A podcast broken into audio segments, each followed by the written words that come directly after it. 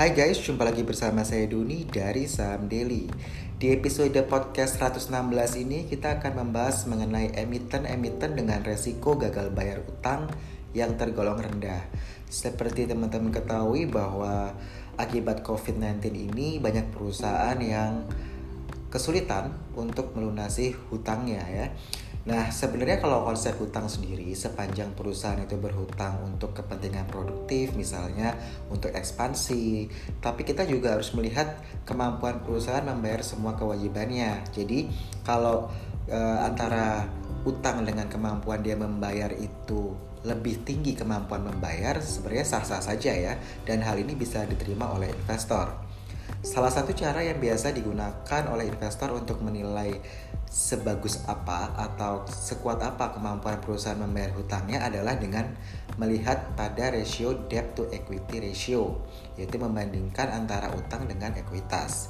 Semakin bagus posisi posisi DER itu biasanya DER itu rasionya di bawah 100% ya. Jadi kalau teman-teman baca uh, key statistiknya kalau ada DER yang di bawah 100% biasanya itu kita kategorikan bahwa perusahaan tersebut masih bisa mengelola hutangnya dengan baik.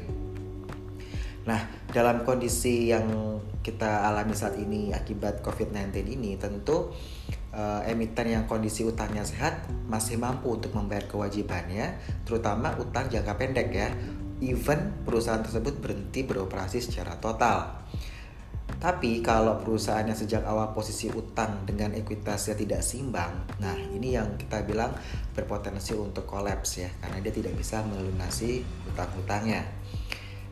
Kalau kita lihat di berita-berita kita baca bahwa Santer bahwa korporasi yang mengalami gagal bayar utang itu berupa uh, eh, MTN ya, medium terms note maupun menunda pembayaran surat utang tersebut.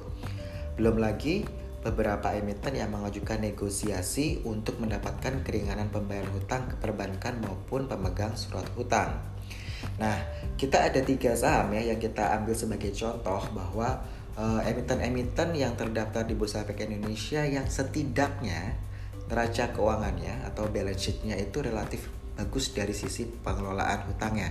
Bukan berarti mereka tidak punya hutang ya, tapi uh, rasio hutangnya itu masih tergolong sehat kita ambil contoh ini sebentar ada PT Indo Tambang Raya Mega Tbk dengan kode emitennya ITMG. Kalau kita perhatikan per 31 Desember 2019, rasio liabilitas terhadap ekuitas emiten pertambangan batubara ini hanya 36,48 persen. Jadi dernya dari ITMG ini hanya 36,48 persen, masih di bawah 100 persen, versus cash ratio-nya yang 68,25 persen. Artinya cashnya itu sendiri bisa untuk melunasi hutang yang dimiliki oleh ITMG ini. Jadi kalau kita lihat uh, utang berbunganya hanya berupa pinjaman jangka pendek itu 10,6 juta US dollar. Nah, dalam laporan tahunan 2019, uh, ITMG ini menyebut bahwa seluruh pinjaman jangka pendek senilai 10,6 juta US dollar itu telah dibayar penuh pada Januari 2020. Artinya mereka sudah nggak punya utang jangka pendek senilai 10,6 juta tadi. Nah, kalau kita nanti cek di laporan keuangan ITMG kuartal pertama 2020 ini harusnya eh, nggak uh, ada utang jangka pendek tadi ya yang 10,6 juta US dollar tadi. Selain itu, ITMG ini juga menarik ya karena dia konsisten membayar dividen dengan dividen payout ratio-nya itu yang 80% ya. Kalau kita lihat ini untuk uh, kinerja semester 1 2019 ITMG itu membayar dividen interim pada 15 November 2019 itu senilai 705 rupiah per lembar saham ya. Uh, DPR-nya tadi 80%. ITMG sendiri berencana membagikan minimal 60% dari laba bersih di tahun buku 2019 sebagai dividen untuk pemegang sahamnya begitu. Nanti RUPS ini rencananya digelar di tanggal 29 Mei 2020 ya, akhir Mei ini. Nah, meskipun payout ratio-nya ini masih menarik, tapi nilai dividennya kalau kita lihat itu uh, cenderung turun ya dibandingkan dengan tahun-tahun sebelumnya. Jadi ini mungkin mengingat uh, harga batu bara yang juga turun akibatnya pendapatan dan laba bersih ETMG juga menurun gitu. tahun lalu saja pendapatan bersih ITMG ini hanya 1,7 miliar US dollar, turun sekitar 14,55% secara year on year. Sementara laba tahun berjalan yang dapat diatribusikan kepada pemilik entitas induk itu anjlok 50,59% eh, year on year ya menjadi 129,43 juta US dollar. Lalu setelah ITMG ada emiten kedua yang kita lihat uh, secara rasio hutangnya cukup sehat yaitu uh, eh, PT Indosemen Tunggal Prakarsa Tbk uh, kode emitennya INTP dari total liabilitasnya per 31 Desember 2019 ya eh, sebesar 4,63 triliun dengan dernya 20,05% dibanding cash ratio-nya 197,54%. Ini eh, bagus sekali ya karena memang dari hanya 20% begitu dengan cash ratio yang di atas 190%. Uh, kita juga lihat per 31 Desember 2019 beban bunganya hanya sekitar 1,22 miliar jadi dengan beban bunga hanya 1,22 miliar, kalau dibanding dengan total liabilitas yang sebesar 4,63 triliun, dibanding lagi dengan ekuitas NTP yang mencapai 23,08 triliun. Jadi ekuitasnya aja modalnya aja 23 triliun. Jadi kalau kita bilang utangnya cuma 4,63 triliun ya cincang lah ya begitu. Nah, INTP ini dia juga membagikan keuntungan kepada para pemegang sahamnya ya dengan uh, dividen payout ratio itu mencapai 176%. Jadi kalau yang pegang saham INTP ini dividennya emang uh, untuk rasio payout ratio-nya cukup besar ya di atas 100%. Jadi kita lihat memang di tahun lalu Indosemen ini uh, membukukan kenaikan pendapatan 4,9% ya year on year itu menjadi 15,94 triliun. Sedangkan laba bersihnya itu naik 60,26%. Saya ulangi, laba bersihnya naik 60,26% year on year menjadi 1,84 triliun.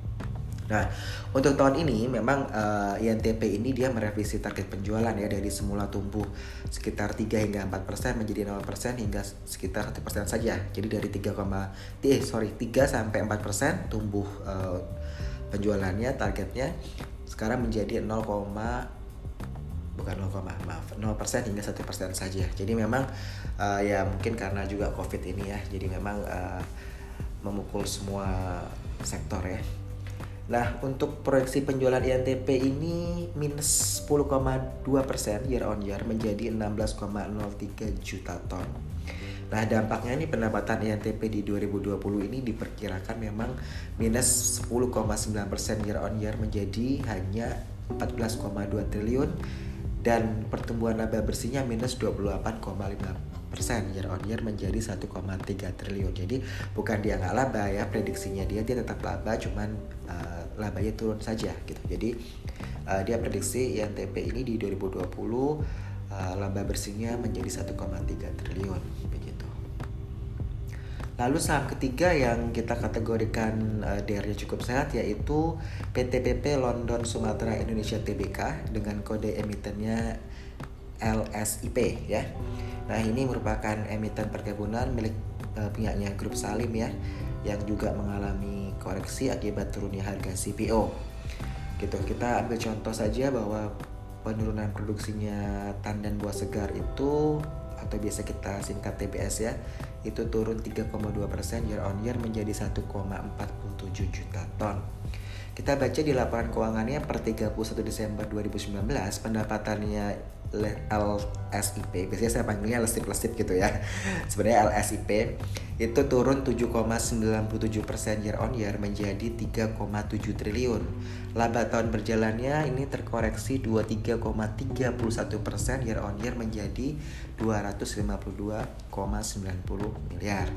Dengan total liabilities uh, total liabilitasnya itu di 1,73 triliun dan ekuitasnya 8,5 triliun. Jadi kalau teman-teman perhatikan total kewajibannya itu 1,73 triliun tapi modalnya dia 8,5 triliun.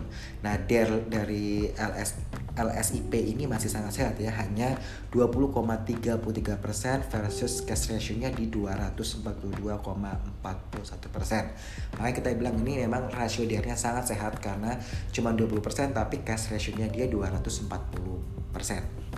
Jadi ini kita ambil tiga contoh saja ya. Jadi saham LSIP, PTP, PTPP London Sumatera Indonesia TBK, lalu PT Indosemen Tunggal Prakarsa TBK, kode emitennya INTP, yang ketiga adalah ITMG ya.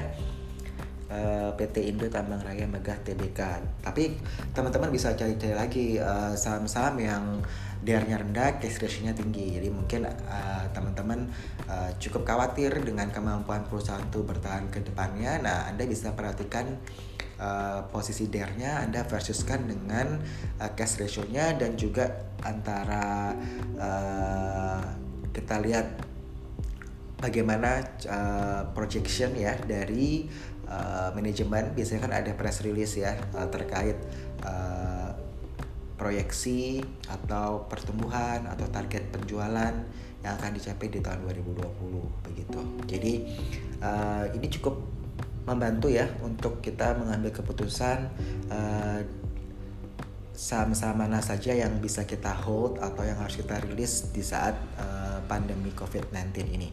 Jadi salah satunya ya kalau kita memandangnya dari segi resiko gagal bayar hutang ya.